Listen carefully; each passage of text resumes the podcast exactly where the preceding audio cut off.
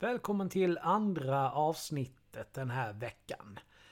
Idag är det ju normalt sett på djupet, men det här blir en specialare. Det blir ett Nerd Talks på djupet. Vi har ju gjort sådana program tidigare. Men jag ska inte sitta här och blarra mer utan nu ger vi oss in i fotbollssupporternas värld.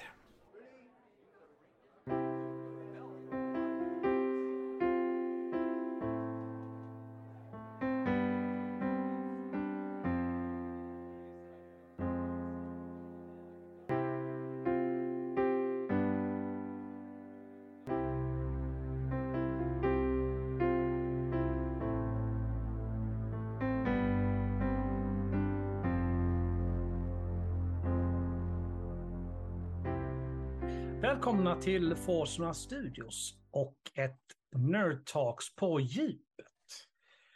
Det här är uh, väldigt uh, hett ämne. Och uh, samtidigt ganska nördigt. Därför så tyckte vi att det passade i ett Nerd Talks på djupet. Vi har gjort några sådana innan. Och idag så har jag Peter med mig. Hej Peter! Hej Alexander! Och vår gäst Marcus. Hallå, hallå. Allt bra med er idag? Det är toppen. Det är bra tack. Kul att sitta här och snacka med er. Ja. Mm. Men då kör vi. Yes. Uh, jag har ju sådär en liten kort presentation om dig, Marcus. En väldigt liten kort presentation. Mm. Det är att om man ska tro media och då i förlängningen eh, allmänheten Mm. så är du huligan. Ja, det är ju en definitionsfråga för att det finns så många olika kategorier supportrar. Ja. Det är lite som jag har förklarat för dig och som jag vet inte, som är allmänt kanske inte känt på samma sätt som det är för mig som befinner mig i kulturen. Men det finns olika kategorier av supportrar. Det finns julgranar som vi har snackat om. De definieras av polisen som kategori A. Det är oftast eh, de vanliga supportrarna, situationstecken, som, som går till, eh, till arenan och de kan sjunga, de kan få sig matchtröja och de går hem. Kanske tar en öl före och efter. Liksom. Och sen har du då kategori B som då får definieras som eh, de svenska ultrasgrupperingarna. Eh, där har vi ultrasgrupperingar som till och med sträcker ner i division 1 upp. Mm. Men där har vi ju typiskt Stockholmslagen, Malmö, Göteborg, Helsingborg och Norrköping och så vidare. Ja. Som, som, har, som har sin syn på det, att de vill utföra det lilla extra vad vanliga supportrar vill. Så att säga. De, vill, de har en gruppering. De målar banderoller, de fixar flaggor, de bränner pyroteknik. De skulle jag vilja säga är de absolut mest hängivna supportrarna du kan se på en arena. Mm de åker 60 mil en tisdag medan andra sitter hemma och kollar på tv och ser matchen. Ja. Så det är kategori B-supportrarna. Sen har du kategori C. Det är en definition av polisen som de stökiga supportrarna. Och eh, det flyter lite ihop med B kan man säga för att det blir ofta så att ultrasgrupperingarna lite sammanlänkas med kategori C för att de står upp för sin klubb, Åker de på bortamatcher så kan de bli stormade i bussen eller på en, en rastplats utanför Norrköping och så vidare. Det finns många kända exempel på, eh, på supportrar som blivit överfallna. Så att säga. Så att, eh, men främst skulle man kunna säga att kategoriseringssupportrarna är det lite mer de som är de eh, lite mer stökiga så att säga. Mm. Det är också definition på något som har gått lite mer från det allmändagliga våldet till lite mer professionellt som man säger. Att folk tränar och folk eh, slåss liksom på eh, bokade tider ute i skogar och så vidare med andra firmor. Eh, så att det flyter väldigt mycket samman. Om jag skulle kategorera mig själv så ligger jag ju på en B minus mellan A och B eller vad man säger.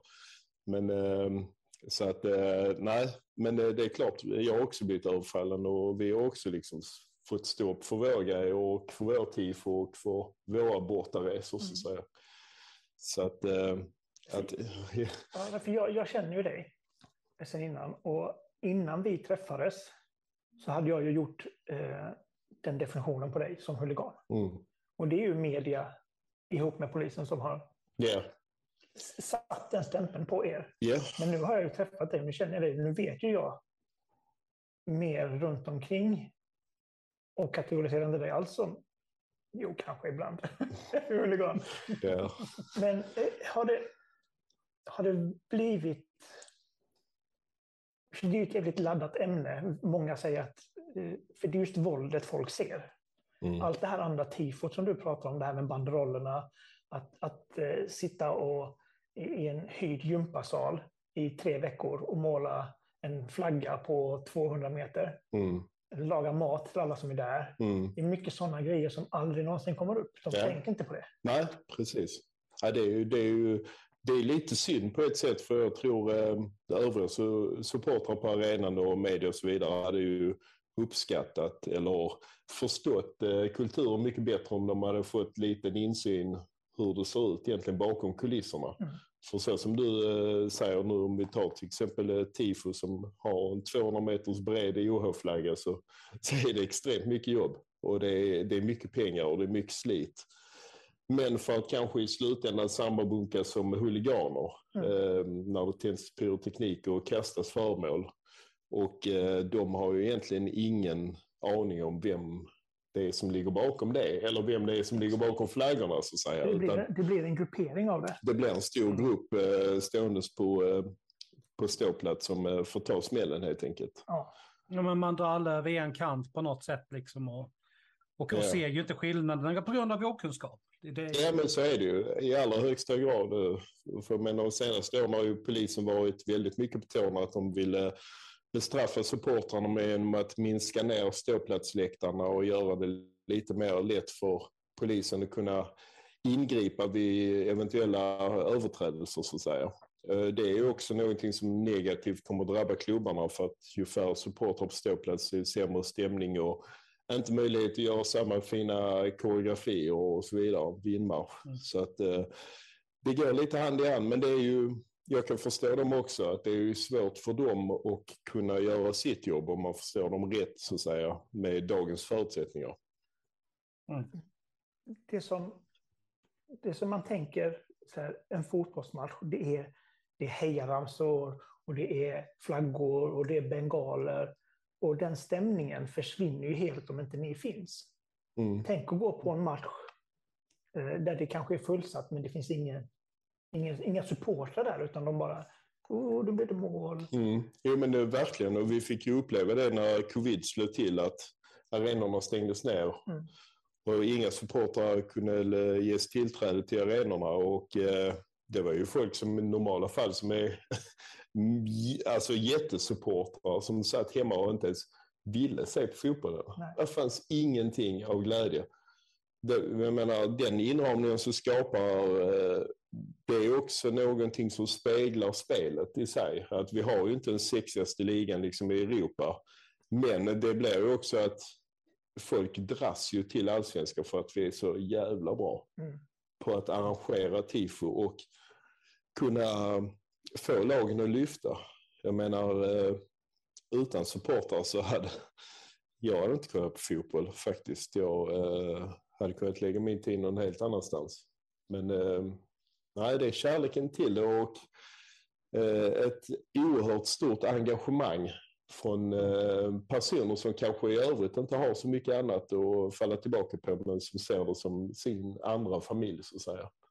Ja, men då är det ju nördigt utan dess like. Liksom, du, du beskriver ju jättestor del av nördkulturen med, med den meningen. Jävligt bra Mm. tycker jag.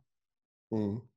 Ja, det, det, eh, jag önskar faktiskt eh, er båda och, eh, och kunna komma med någon gång och få uppleva hela kulturen. För att jag tror inte supporterkulturen gör sig rättvis om man inte riktigt får uppleva den. Utan alla borde uppleva den och sen ta ställning till är det här jag tillhör eller inte. För att jag har svårt att säga att ingen skulle uh, tycka att det var någonting negativt som man säger.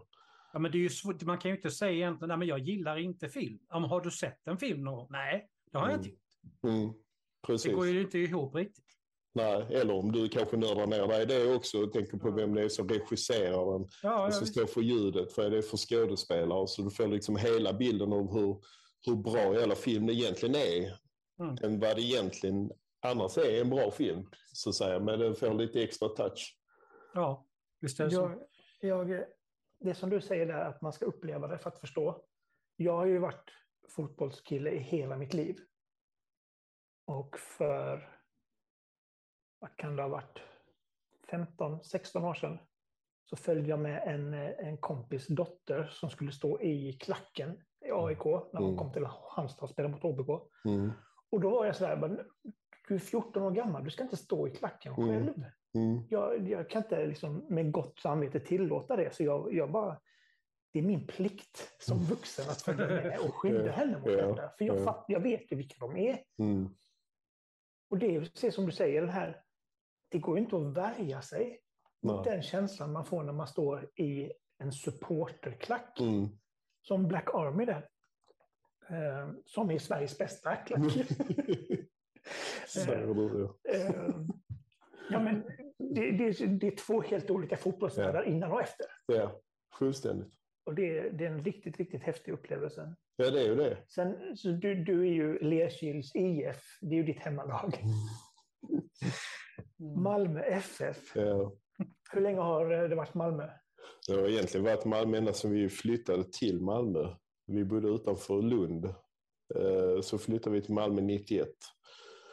Så egentligen eh, sedan eh, tidigt 90-tal har det varit Malmö för mig. Att man har, eh, ja det är en klassiker liksom. Man har gått dit med farsan först och sen blev det med vännerna och sen så har det bara spett på mer och mer och mer. Mm. Så att det är ju egentligen det att från det att man får sina första ögonblick med klubben, man står med supportrarna till att man vill, fan jag vill också göra flaggor och jag vill också liksom åka på bortamatcher och jag vill engagera mig mer. För att det är någonting som är så jävla häftigt över det, att det är många som samlas tillsammans, man åker tillsammans, man målar tillsammans och umgås att säga. Det är, det är en helt enastående kultur. Mm.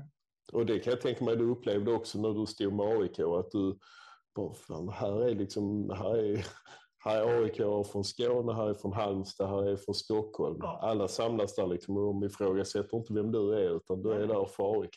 Precis.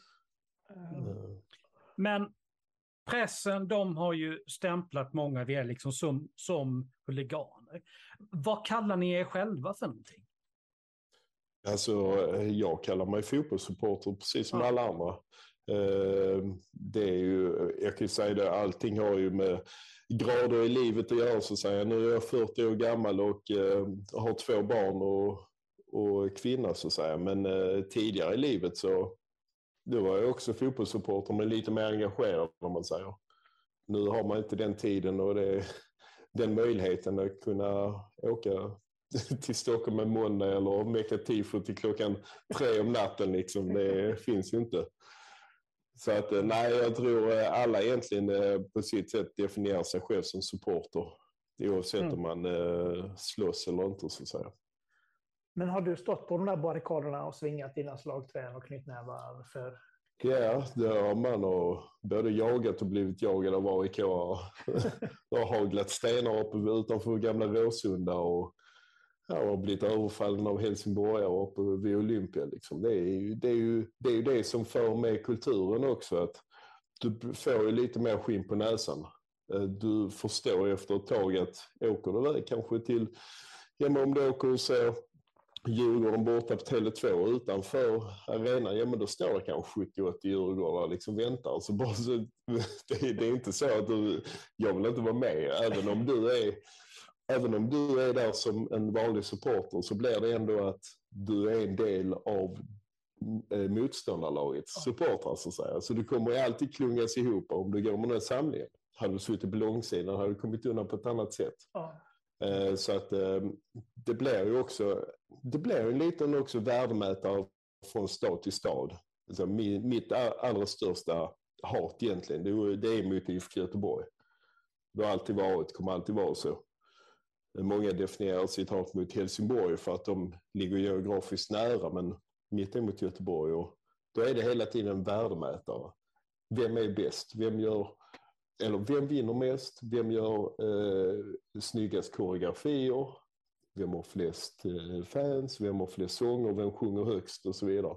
Så det är hela tiden det att falla tillbaka på. Mm. Lika mycket man hyllar det man själv gör, lika mycket hatar man det de gör, så att säga, för att hela tiden sätta sig i bättre position själv. Så att, eh, ja, nej, det var, vad var frågan? Vad, vad, är det, vad är det största... Jag bara svävar iväg här. ja, men det är Peter bra. sitter och förklarar så Ja. fint där. Om man kör så här positivt och negativt. Mm. Eh, Där positivt är den här fina inramningen med bengaler. Och, för jag är för bengaler så Mm. länge det inte kastas in på plan och, och sån jävla skit. Mm. Um, men den fina, vilket är det bästa minnet där kontra det sämsta minnet med liksom slagsmål och... Ja, alltså de, de bästa minnena jag har egentligen, det är ju från när man har, när man verkligen lyckas med tifo. Eh, för att, vad ska man säga, det är så mycket planering och det är så mycket teoretiskt. Och eh, när det väl ska utföras av till exempel 7 500, att det verkligen går rätt till, att alla förstår vad de ska göra och allting funkar. Att man eventuellt ska hissa upp någonting i övre läktartaket och så vidare. När allting stämmer, då mår man riktigt bra. Då, då, är, det, då är det total eufori. Men baksidan, det kan ju vara också lite som har varit en het potatis senaste tiden om eh, kastade bengaler så att säga. Mm. Och det skulle jag faktiskt vilja tro att det är väldigt få supportrar som vill göra inne på en are- arena. Ja, men det är klart att det är. Ja, det eh, förstår man på sunt förnuft, men att, eh, att det sker, det kommer nog alltid ske. Och det, det som är lite synd är att det har skett så mycket på så kort tid. Mm. Vilket gör också att det kommer stramas till lite i tyglarna nu kring eh, bortasektioner och supportrar i övrigt och som höjer säkerhet och så vidare. Det är helt okej så länge det inte drabbar den gemene mannen så att säga. För att det blir ju en kollektiv bestraffning. För det, de ser det som det enda sättet att få bukt på problemet så att säga. Ja. När det i själva verket kanske är eh, tio personer på en hel sektion som, som orsakar det. Precis. Eh, Men du säger ju då liksom att det blir kollektiv bestraff- bestraffning. Om vi sätter dig i den positionen att du hade fått bestämma själv hur bestraffningen skulle bli. För det, det kommer vi inte ifrån. Det kommer bli någon reaktion på det. Mm. På sådana saker. Hur hade du gjort då? Det är egentligen, eh, egentligen som det, de försöker göra nu, att, eh, att identifiera personerna. Eh, De har ju på senare år verkligen eh, försökt att få bukt med problemet liksom, och identifiera de som bränner och de som kastar. Man kunde ju se det senast nu, eh, derbyt, om det var AIK mot Hammarby, jag har för mig. AIK Djurgården. Ja, var det Den AIK? 16 oktober. Ja, och sen eh, hade vi den också mot eh, Hammarby, för det var några incidenter när de stormade över och, eh, och började slåss och så vidare. Men det är helt rätt som du säger, AIK Djurgården, där var stök. Ja. Men där är egentligen, ja, men det är egentligen att personligt bestraffa de personerna som begår brott inne på en läktare, så att säga. För att det som i, i slutändan eh, drabbar oskyldiga, det är ju det man verkligen vill få bort. Eh, att eh, det är familjer och barn och så vidare ska kunna gå utan att känna en osäkerhet. Att det skulle kunna flyga bengaler eller bangers eller att få slåss så säga. Ja. Så det är, det är man ju fullt öppensinnad och förnuftig till att, att förstå. Eh, För den 16 oktober då, Mm. det är 2022 beroende på när man lyssnar på detta, eh, så mötte eh, Djurgården eh, AIK. Och då skriver P3 så här på sin Instagram eh, ett par dagar efteråt. Då. Fem storklubbar i allsvenskan går ihop och fördömer den starkt oroande ökningen av inkastade föremål. Allsvenskan har i år upplevt en eskalering av inkastade föremål, bangers och kastande av pyrotekniska pjäser. Detta är oacceptabelt och behöver få ett slut, står det i ett uttalande som AIK, Djurgården, Hammarby, IFK Göteborg och Malmö FF skrivit under. Eh, polisen utredde det som våldsamt upplopp, för det var slagsmål och sånt på läktarna. Och en vecka senare så döms Malmö FF till böter eh, efter ni hade mött Union, Union Berlin 6 oktober. Mm. Också slagsmål på läktarna och smällare och pyroteknik på planen. Mm. Eh, hur stort, om vi börjar, hur stort är det att de här fem stora klubbarna går ihop och gör en sån här kommuniké utåt? Jag tror det är direkt nödvändigt för att de ska kunna, eh, eh vad ska man säga, eh, det, det, är nog nödvändigt för de stora klubbarna att göra det för att eh, lite stå till svars för vad som har hänt. Eh, och att eh, inte skrämma eh, folk i allmänhet att komma utan de gör ett statement att de kommer öka säkerheten. Sen bara att gå in på den där som du nämnde med Union Berlin. Eh, jag var på stadion då när vi mötte dem. Eh, det var egentligen eh, det var ju helt uppgjort från minut ett liksom att de skulle ju de skulle stöka vid något läge i matchen. Mm. Då är det Berlin vi pratar om. Ja, det är ju det. Men det faller ju lite på Malmö också, för det är Malmö som står för äh, vad ska man säga, Malmö står för hela arrangemanget med äh, att det ska spela fotbollsmatch och det ska vara åskådare och äh, säkerhet och så vidare. Så att det är ju Malmös säkerhet som egentligen brister om man ska hårdra det. Mm. Att de får in bengaler, får in bangers och så vidare. För att eh, enligt eh, vänner som stod borta i det hörnet där den drogs av, det är egentligen familjeläktare där borta. Eh, de började förstå tidigt att någonting skulle hända för att berlinarna drog loss stolar från platserna redan från början. Så att de hade ju langat upp med bra med ammunition där och sen under matchen stod de och tillverkade den bangen som sedan smällde om för mig det var i 60 minuten eh, och det där var ju känns som att det var rätt så uppgjort att den skulle gå av just då. Mm. Men det verkar precis som att, att den meckade med den där pjäsen under matchens gång för att sen dra loss den. Så att eh, det kunde ju eh, säkert stoppats mycket tidigare ja. om eh, säkerhetsansvariga och så vidare hade haft lite mer eh, framförhållning egentligen. Eh, så att eh, nej, den var kraftig. Jag är glad för saker som smäller. Jag måste säga att det var nog det absolut bästa jag har hört. Alltså, kanske inte så bra att dra den i familjeläktare dock. Eh, men vad, vad, kan konsekvensen bli för klubbarna? Blir de eh, ansvariga för det där? Kan det bli så här förlust med 3-0 och, och, nu blir det ju böter, men blir det en mm. sportslig påföljd också? Ja, alltså innan var det ju så att det kunde göras upp vid skrivbordet. Nu vill de ju till varje eh, eh, varje mening eh, få matchen eh, färdigspelad. Mm. Eh, men så, det är lite, jag förstår att Malmö är skyldiga till eh, stå för säkerheten, men det är ändå om man kollar på summorna som, eh, som ehm, vi blir straffade för kontra Berlin så kommer de väldigt billigt undan när det är deras egna supportrar som står för det. Mm. 800 000 för Malmö och 300 för Berlin. Ja, precis. Och, eh, och Malmös böter grundar sig, som jag har förstått det, att vi höll upp en banderoll från norra läktaren, från vår ståplats, mot Union Berlin. Som menar på att Berlin är blått och vitt. Och det syftar då på Hertha Berlin som är det andra stora laget i Berlin. Eh, som Malmö har vänskap med. Eh, så det var det, det var sånger och det var inkast av bengaler från Malmös sida. Mm. Men i paritet vad de får så är det väldigt orättvisa böter. Ja. Så eh, det är egentligen i första hand böterna de styr klubbarna med, bestraffar med så att säga. Var det första matchen? Det var eh, första matchen, ja. Och ni har returmöte? Eh, det har också varit. Det har varit, ja. så blev det någon eh, retaliation? Eh, det verkar ha gått rätt så städat till där nere. Okay. Eh, Union Berlin är också, som jag fått höra, en eh, liten eh, försökskanin när det gäller att eh, ha fler stående supportrar eller till, att eh, få eh, tillåtelse att ha ståplats i Europasammanhang. Okay.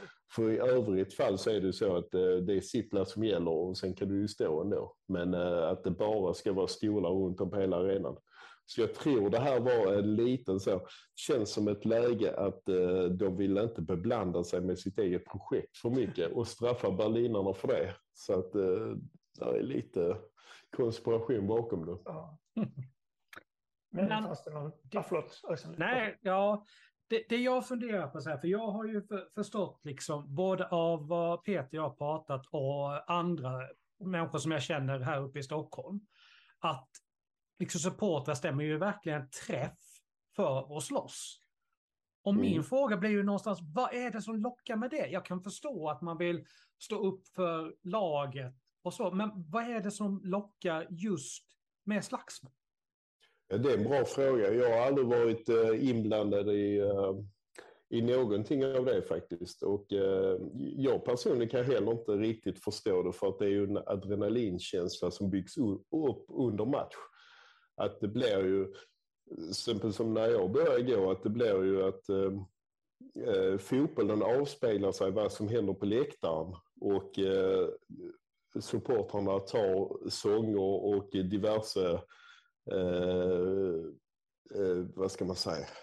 Ja, men Eh, det kan man förstå, de triggar varandra, de hetsar Mm. upp stämningen. Den Ja, biten precis. kan man förstå att det spontant händer. För det Ja. kan hända vem som helst när du hamnar i, i den typen av situation. men just det precis. planerade är det som jag har så svårt att förstå. Nej, men det är faktiskt samma här. Eh, jag vet inte om det är någon form av extra sidosport eller liknande, men eh, det är tydligen rätt populärt. Jag förstår inte det själv, utan jag behöver adrenalin och kickar och eh, en liten smula hat, så att säga, för att jag kan inte gå igång på en, en skogsfight. Det kan jag faktiskt inte riktigt förstå, men det är ju oerhört många grupperingar och huliganer som bestämmer träff, faktiskt. Och det är, det är rätt fascinerande. Men de Mm. grupperna de är ju separerade från som Malmö Ultras då. Ja, men precis. Och sen kan det ju säkert vara också personer från eh, Malmö Ultras eller de eh, ultrasgrupperingarna som kanske är med och slåss också. Mm. Som har det här lilla extra behovet så att säga.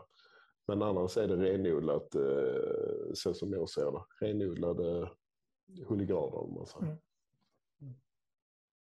Hur, om, vi- om vi går igenom en tifo eh, så här, från början, liksom, hur, hur lång tid tar det att planera ett tifo? Vi säger mot Göteborg. Mm. Där vill du glänsa lite extra. Nu Så får du gärna förklara vad tifo är för något, Peter. Ja, Tifo eh, är det här kulturen på läktaren. Sångerna, flaggorna, Ah, okej. bengalerna. Mm. Mm. Och verkligen för att kunna specificera det så är det egentligen, alltså det kommer egentligen från Italiens tifosi som betyder supporter.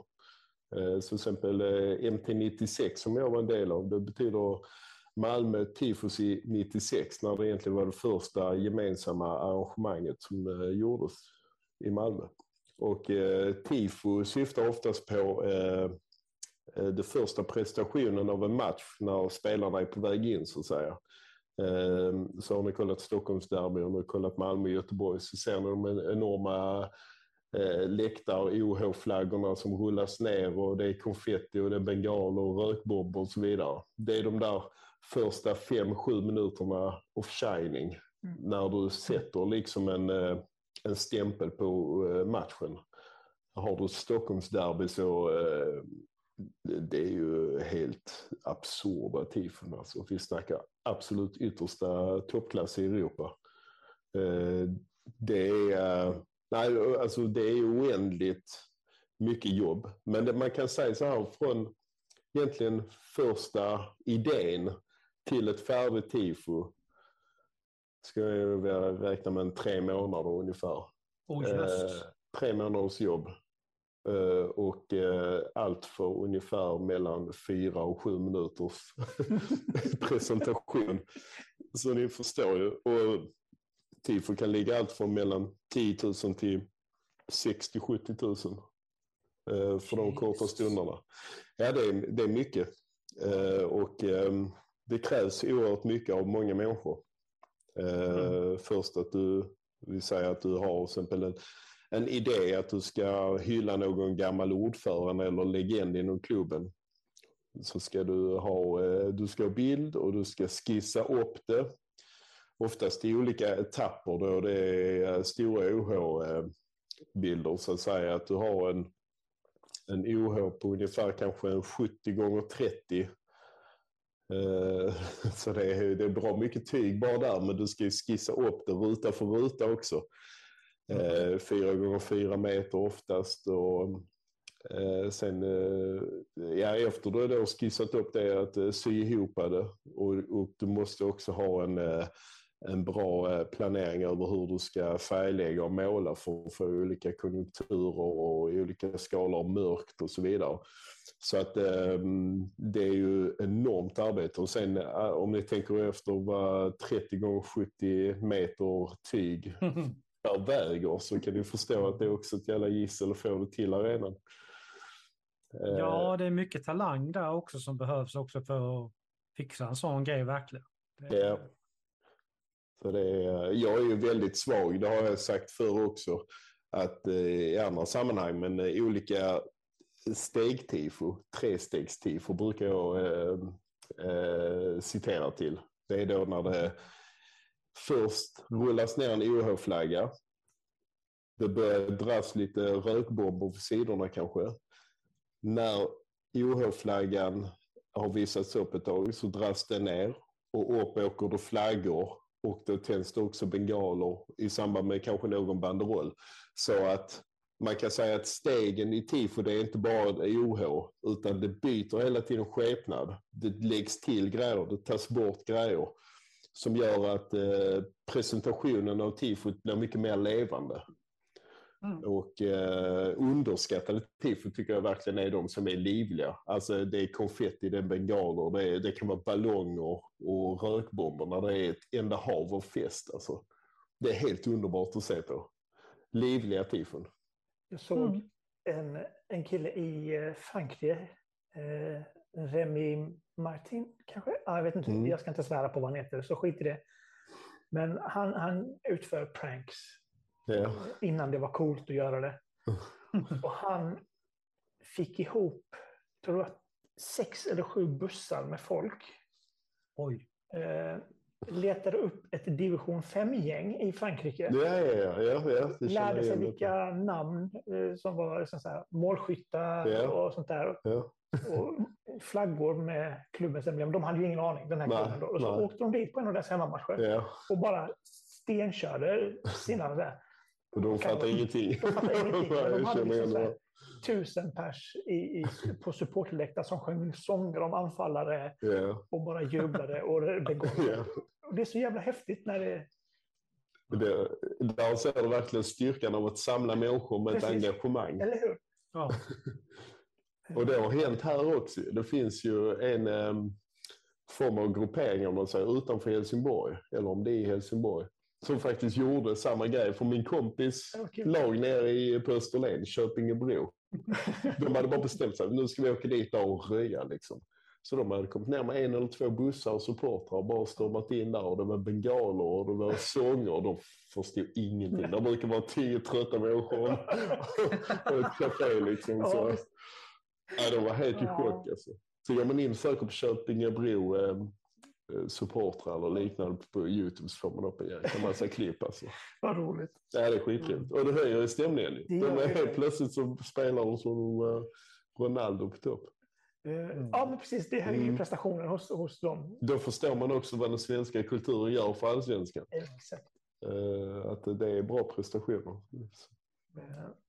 Men lite om det, det har velat göra nu, det är att separera begreppen liksom, så att folk förstår ja skillnaden. Mm, mm. Att eh, utan, utan supporterkulturen så kommer fotbollen att dö ut. Ja, tyvärr.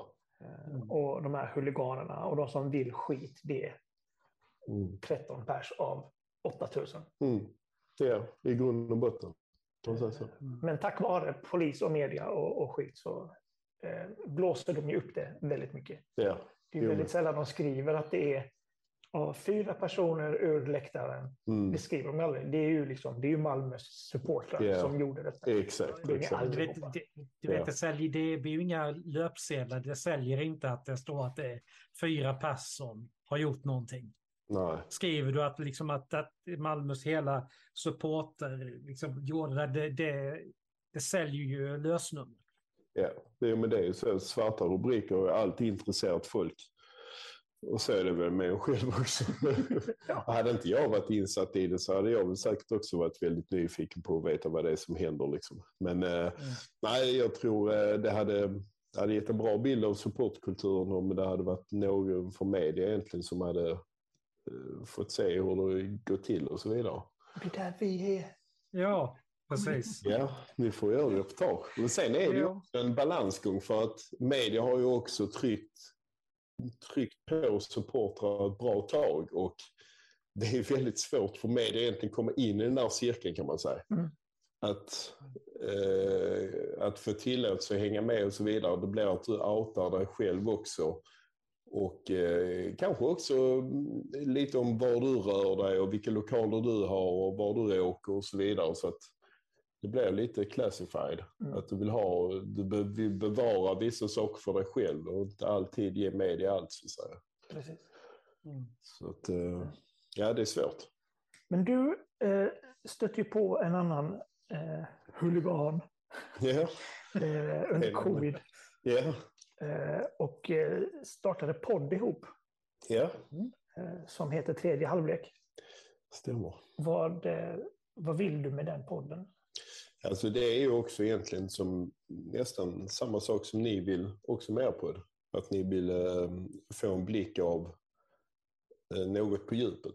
Att man, eh, ja, i vår eh, podcast så vill vi också ge, precis som er, att vi vill ge en insyn i hur det är i kulturen.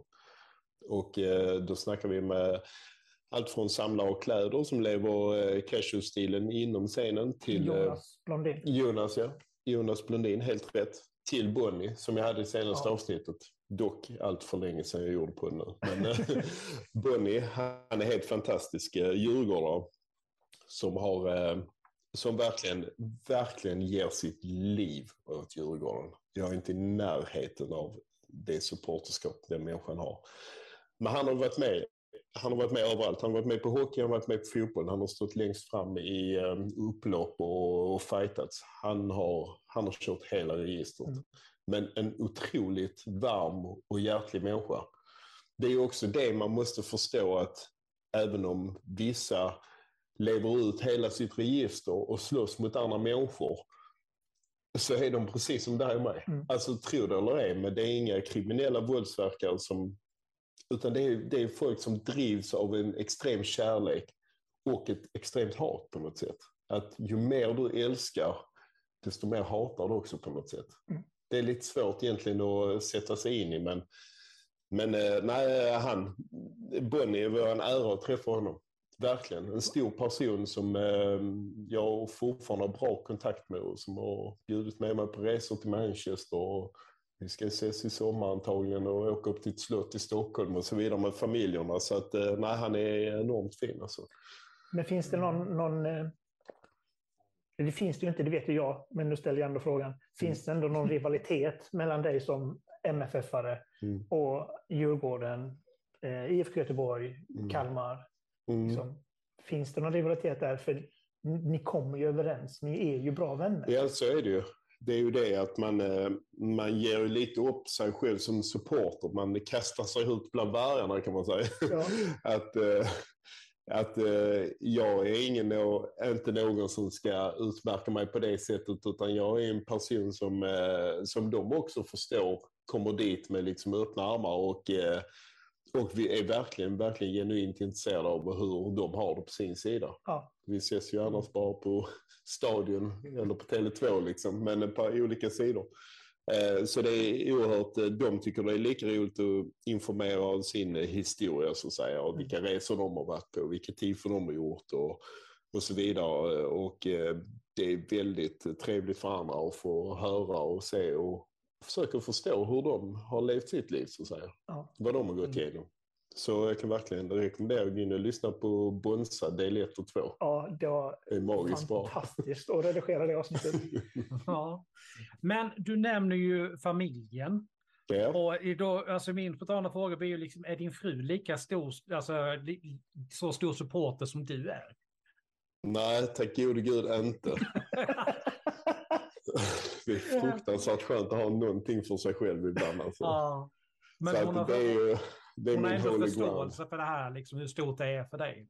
Ja, hon, eh, hon tycker det ska bli så jävla skönt nu när allsvenskan är slut om två omgångar. Får hon tillbaka mig på heltid. Ja, eh, det är ju det också att jag, jag älskar allsvenskan över allt annat. Jag kan ju sitta och kolla på Mjällby mot Varberg en tisdag liksom. Alltså det är ju rena drömmen att komma hem och klockan sju liksom fotboll. Ja. Ja, det är ju så. Man är ju rätt så tappad där. Alltså. Men man uppskattar ju också att se på fotboll när du, när du vill att andra laget inte ska vinna. Till exempel spela Kalmar mot AIK. Då vill Då- man... Då vill man ju verkligen att de ska trycka dit de jävla stockholmarna. Alltså. Det, är ju, det är ju så. Det är Malmö mot Göteborg, Malmö mot Stockholm. Alltså Malmö mot Helsingborg. Hela tiden se till så att det andra laget inte får någon framgång. Ja. Alltså det, det, är ju inte, det går ju inte att likna riktigt. Så jag kommer ihåg, det kommer ni ihåg den här kockkampen som gick Mm. på, på tv för lite sedan. Så här, jag kommer från Karlshamn, jag bor i Alby. Första jävla avsnittet så tävlar Karlshamn mot Alby. Ja, Och jag vet inte riktigt vad fan jag ska göra. Vem Ja. fan håller jag på? Hela Ja, det var precis, man smälter. stod en fot på vardera sida så jag bara, ja det blir ju något bra det här, för någon vinner ju av dem. Ja, jo. Sen får du inte ge upp eh, din grund var du kommer ifrån heller. Nej men precis, det blir inte bara byta sida. Nej. Nej men alltså det är ju så här, jag kommer liksom alltid att vara från Karlshamn någonstans liksom. Men Ja. det är här jag bor just nu och har gjort liksom i, herregud, vad jag, sen jag var 27. Ja, Jag är 44 nu så har jag ändå bott här uppe jävligt länge. Ja. Jo, men det blir så. Sen sätter du dig i en ny stad och anpassar dig efter det så att säga.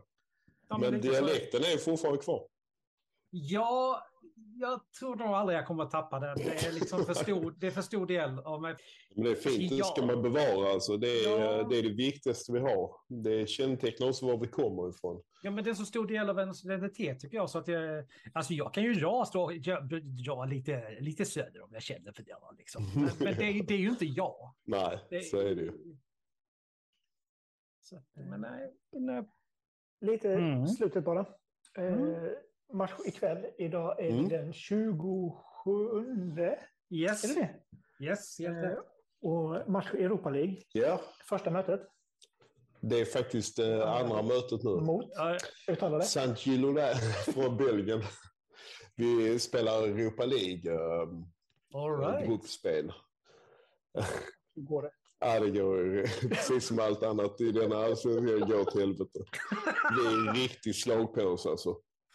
Det är, ehm, vi har haft äran att ta de absolut bästa klubbarna i hela jävla Europa League. Så att vi har Union Berlin som leder Bundesliga just nu. Ja. Vi har ju de belgarna som är jävligt bra. De är tydligen eh, delägare från Brentford som äger den klubben. Så de bara pumpar in maskiner där. Ah. Vad fan har vi mer? Jag visste Braga, ett topplag i Portugal. Braga, ja. Mm. Så att vi har ju tagit... Alltså om man hör namnen så kan man inte tro att de är så jävla bra. Union Berlin, San Gilloise och Braga. Men det är ju absoluta toppklubbar. Så vi kommer nog få stryk idag. Men jag ska dit och se förödelsen ändå i alla fall. Mm. Och eh, allsvenskan, Allsvenskan, fjärde, tredje, sjunde. sjunde. Shit, jag trodde ni var högre. Förlåt. Ja, det är, det är man inte van vid alltså. Eh, Men vi får ju ge en eloge där elogen bör ligga. Och det är skönt att det inte är Djurgården eller eh, Hammarby som vinner. Det håller jag med dig. 100 Det är procent. jävla Häcken. Ja. Det är, de har gjort en imponerande säsong. Mm. Bålgetingarna. Ja, så det får man, väl, det får man ge dem. Ja. Nu kan ni få lite inside info här också. Men eh, sista matchen mot Degerfors så kommer det ju hagla en och annan banderoll från långsidan. Trevligt, trevligt. Mm, så det kan ni sitta och se på. Ja. Så att, Men, eh, nej, det är ju egentligen eh, mot Ja. klubben och styrelsens eh, absoluta härdsmälta Mm. som gör att eh, supportrarna orkar inte med att se bedrövelsen. När en klubb förändras så mycket från insidan, allt vad det gäller styrelse och ordförande, till de som är ansvariga, då, eh, sportchef och så vidare. Att eh, där kunna eh, visa markering. Mm. Att nu, nu får det fan vara nog alltså. Att du spenderar 80 miljoner och landar sjua i tabellen när vi har, jag menar de framgångarna vi har det kapitalet. Så att eh, nej, de ska få känna på lite i sista. Vad bra. Men då säger vi som så här, vi håller tummarna för att det ändå går bra ikväll. Och tack Mm. så mycket för att du ville vara med oss, Marcus. Ja men tack så mycket. Mm. Tack för att du ville vara med, Peter.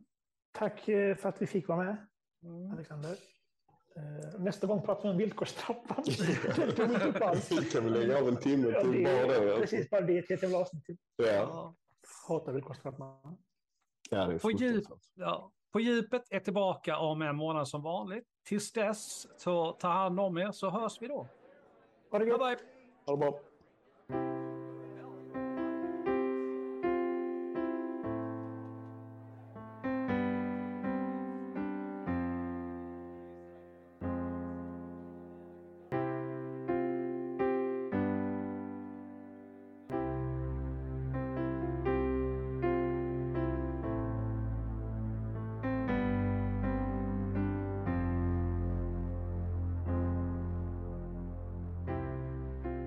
Tack för att du lyssnat på dagens avsnitt. Musiken är gjord av Imaginary Stars Production. Vi skulle uppskatta om ni gillade våra inlägg på Facebook, Instagram och Twitter då det hjälper att motivera oss i det vi gör. Vi skulle ännu mer uppskatta om ni gick in på Spotify och gav podcasten ett betyg för det hjälper oss att synas i deras flöden. Ta hand om er så hörs vi snart igen. Stay tuned!